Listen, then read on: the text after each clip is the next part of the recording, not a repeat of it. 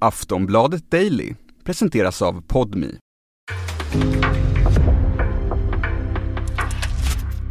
En podcast från Aftonbladet.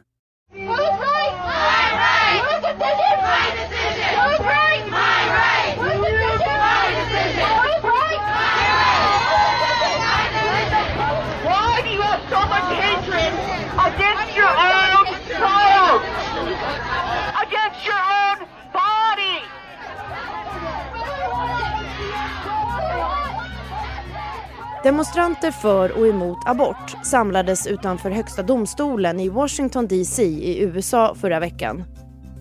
Domstolen har tagit upp en fråga som kan påverka abortlagarna i hela landet. Den som vill avbryta en graviditet i USA har rätt till det och så har det varit i snart 50 år.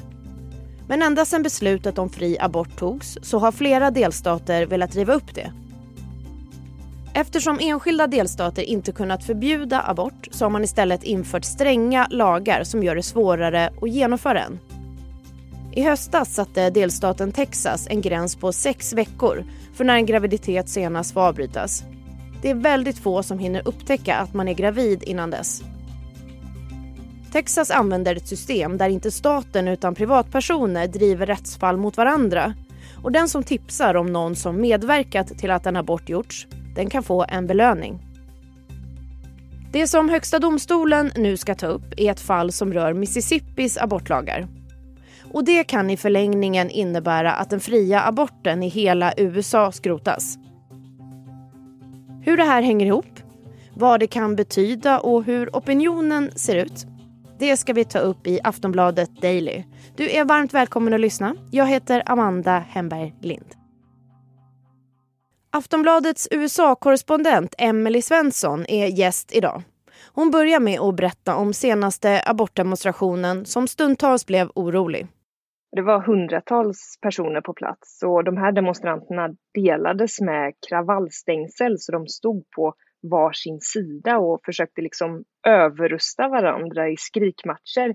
Många har väldigt grafiska bilder på skyltar med aborterade foster till exempel och abortmotståndare kan skrika saker som mördare medan abortförespråkarna ropar tillbaka om kvinnors rätt att bestämma själva. För det är ju ett ämne som rör upp väldigt starka känslor i USA och det har jag själv upplevt på sådana här demonstrationer. Och folk har ju åkt till Högsta domstolen från stora delar av landet för att det är en fråga de verkligen brinner för. Och enligt Washington Post så var abortmotståndargruppen större än den för abortförespråkarna. Och totalt så omhändertog polisen 33 personer, mest för att de försökte blockera trafiken under den här demonstrationen. Och de samlades ju då utanför Högsta domstolen. Vad är det som ska tas beslut om där? Ärendet handlar om en lag i Mississippi som förbjuder aborter efter gravidvecka 15. Och den här lagen hann aldrig träda i kraft eftersom den strider mot ett vägledande beslut som i USA kallas Roe v. Wade från 1973 och den ska garantera alla kvinnor i hela USA rätt till abort fram till dess att fostret kan överleva utanför livmodern, vilket av experter ses som ungefär 24 gravidveckan.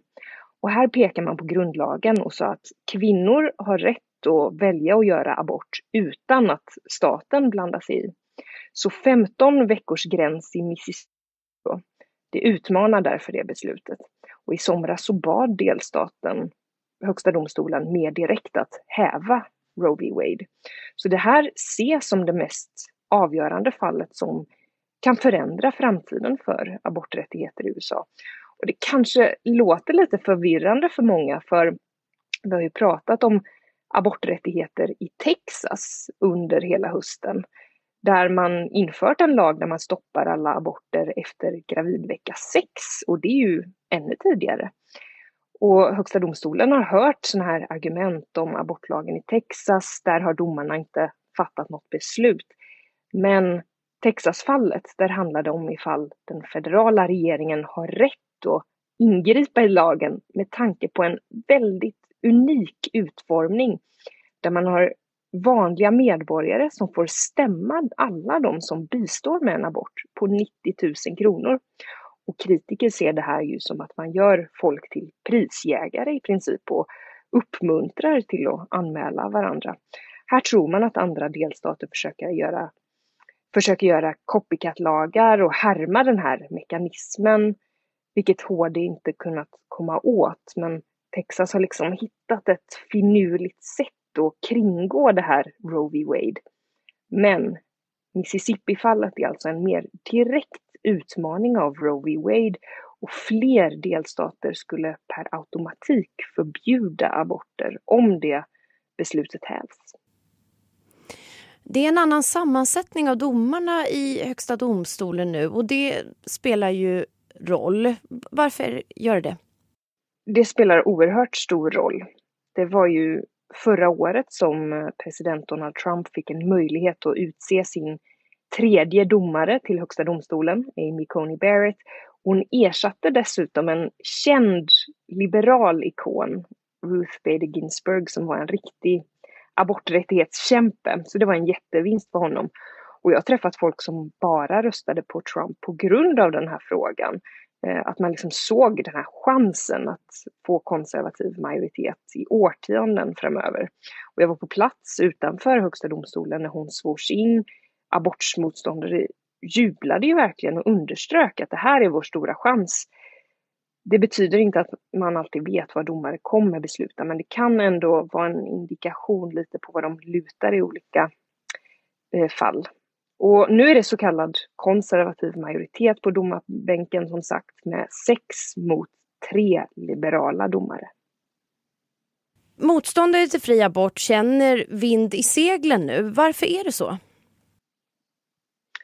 För många sådana här republikanskt ledda delstater har ju försökt med liknande lagar de senaste åren just för att få Högsta domstolen att ompröva Roe och på vissa håll införa abortförbud redan i sjätte gravidveckan.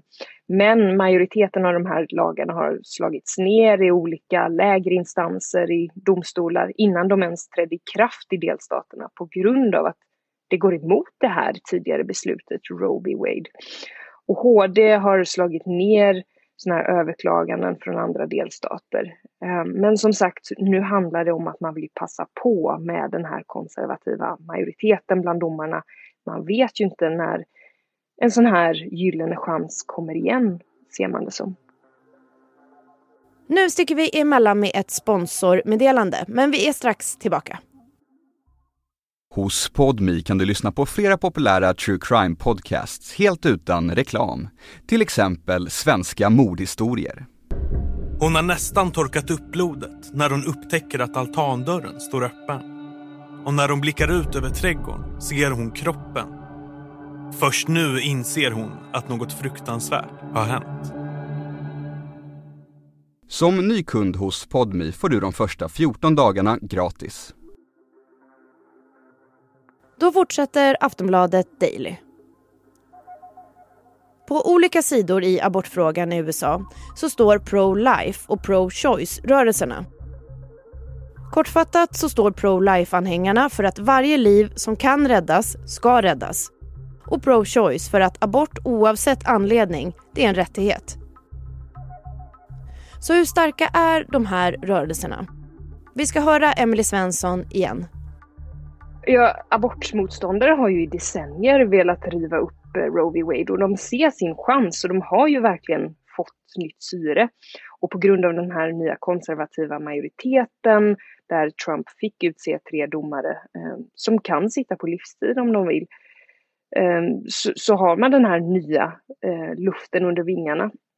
Och samtidigt så har ju verkligen abortförespråkare också fått nytt bränsle, någonting att kämpa mot i och med detta. Särskilt med den Texaslagen också som trädde i kraft i september.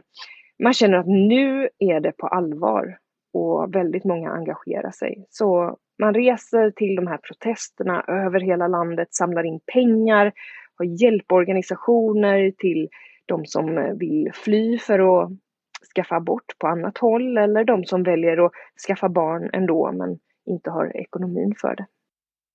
Men hur ser opinionen ut då? Om vi tittar till exempel på synen på um, homosexualitet i USA så var det en fråga som tidigare rörde upp väldigt starka känslor. Så har det skiftat enormt de senaste årtiondena där båda politiska sidor accepterar det i mycket större utsträckning. Där är det mer av en generationsfråga. Men i abortfrågan så finns det fortfarande en enorm splittring och starka åsikter. Och det är inte heller en generationsfråga särskilt, eh, eller direkt. Eh, utan det handlar mer om var i landet man bor skulle jag säga. Och samtidigt så visar färska undersökningar att ungefär 30 procent av amerikaner vill häva Roe v. Wade. Men att 60 procent faktiskt vill att lagen ska vara kvar som den är. Och så här har opinionen legat rätt stabilt i årtionden. På ett bredare plan kan man säga att tre fjärdedelar av ehm, att tre fjärdedelar vill att abort ska vara ett privat beslut mellan en kvinna och hennes läkare där staten inte ska blanda sig i. Men 20 procent säger att det ändå ska regleras i lagstiftning. Men vad tror du då, kan det här vara slutet på den då nästan 50-åriga rätten till abort? Ja, det här Mississippi-fallet kan åtminstone avgöra aborträttens framtid. Och experter som följde de här förhandlingarna i Högsta domstolen säger att det pekar på att domarna kommer öppna för begränsningar i aborträtten. Frågan är bara hur stora. Ehm, för här verkar konservativa majoriteten delade i om man ska stoppa vid den här 15 veckorslagen eller riva upp Roe v. Wade helt och hållet. Och vissa pekar på en slags mellanväg. Att HD kommer tillåta restriktioner mot abort i tidigare i graviditeten, som i Mississippi-fallet, men låta Roe v. Wade stå, stå fast. Um, och abortförespråkare varnar däremot att det här krattar oavsett bara manegen för ett totalförbud så småningom.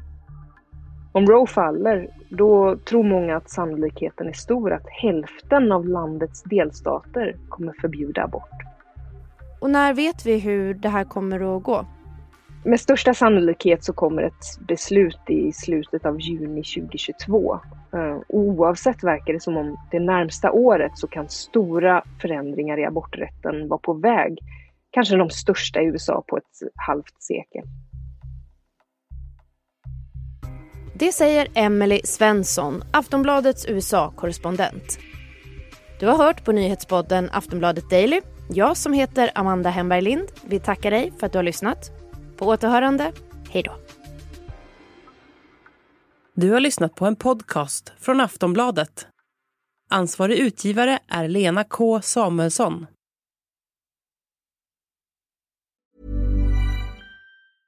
Normally, being a little extra might be a bit much, but not when it comes to healthcare. That's why United Healthcare's Health Protector Guard fixed indemnity insurance plans, underwritten by Golden Rule Insurance Company, supplement your primary plan so you manage out of pocket costs. Learn more at uh1.com.